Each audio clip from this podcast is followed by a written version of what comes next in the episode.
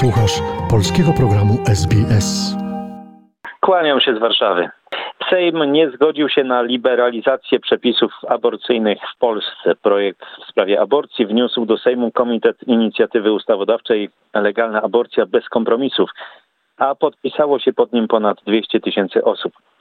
Projekt zakładał m.in. prawo do przerywania ciąży do 12 tygodnia, a po tym terminie, gdy ciąża stanowi zagrożenie dla życia lub zdrowia fizycznego lub psychicznego kobiety, a także gdy występują nieprawidłowości rozwojowe lub genetyczne płodu oraz gdy ciąża jest następstwem czynu zabronionego. Projekt znosił także karalność dla lekarzy i osób pomagających w aborcji. To projekt oparty wyłącznie na faktach i nauce, wolny od ideologii. To projekt, który zmienia prawo tak, aby odpowiadało europejskim i światowym standardom w dziedzinie ochrony życia i zdrowia kobiet, mówiła w Sejmie Marta Lempart, jedna z inicjatorek projektu. Ten projekt to jest po prostu zwykły gniot, który miał zaszkodzić ochronie życia poczętego. Cywilizacja życia przede wszystkim, nie dla cywilizacji śmierci, powiedział poseł Jan Mosiński z Prawej i Sprawiedliwości. Przypomnę, że w Polsce aborcja jest obecnie możliwa tylko w dwóch przypadkach, gdy ciąża stanowi zagrożenie dla życia lub zdrowia kobiety lub gdy powstała w wyniku czynu zabronionego, takiego jak gwałt lub kazirodztwo. Tymczasem dwie trzecie Polaków, czyli ponad 60%, popiera liberalizację prawa aborcyjnego, a przeciwnych jest niespełna 27%. Tak wynika z sondażu IBRIS dla Radia Z. Prezes Prawa i Sprawiedliwości Jarosław Kaczyński na najbliższym kongresie partii nie będzie już ubiegał się o to stanowisko. Nie zamierza jednak całkowicie rezygnować z polityki. Jeśli w następnych wyborach uzyskam mandat i dostanę się do Sejmu, to będę szeregowym posłem, powiedział Kaczyński w wywiadzie dla dziennika Polska The Times. Miałem już nie kandydować w roku 2020, ale ówczesne wydarzenia spowodowały, że nie było innego wyjścia. Mam nadzieję, że w 2025 roku sytuacja będzie zupełnie inna, powiedział prezes PiS.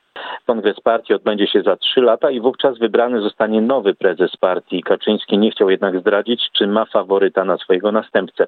Natomiast pytany o ewentualnych kandydatów na urząd prezydenta, powiedział, że w partii padają nazwiska Mateusza Morawieckiego, Beaty Szydło czy Elżbiety Witek. Ale w tym przypadku również nie chciał zdradzić swoich sympatii. To wszystko będzie się działo w momencie, kiedy ja już będę kończył swoją karierę więc w zasadzie nie powinno mnie to obchodzić, zaznaczył prezes PiS.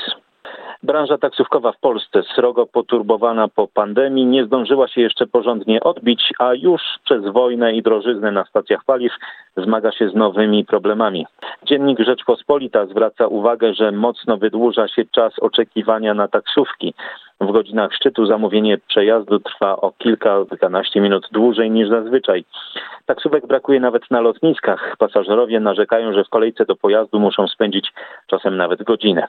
Taksówkarzy ubywa, bo prowadzenie działalności taksówkarskiej przestaje się opłacać. W miastach obowiązują maksymalne stawki opłat za każdy przejechany kilometr, a nawet maksymalna dozwolona taryfa nie gwarantuje dziś rentowności.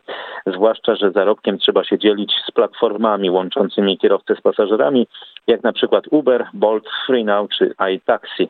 Taksówkarze apelują do samorządów o podniesienie limitów opłat, ale te nie kwapią się z podwyżkami, bo nie chcą narażać się na gniew mieszkańców. Na koniec plaża w Łazach w zachodniopomorskiem i nietypowy na tej plaży gość.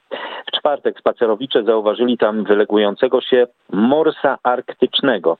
To bardzo dziwne, że mors wylegiwał się w czerwcu na polskiej plaży, bo zwierzęta te wolą raczej chłodniejsze akweny i żyją wyłącznie w wodach arktycznych. Dlatego prawdopodobnie mamy do czynienia z pierwszym takim okazem na bałtyckiej plaży. Takie zwierzęta należy zabezpieczyć i nie denerwować ich. Zbliżanie się do tego zwierzęcia działa na jego szkodę.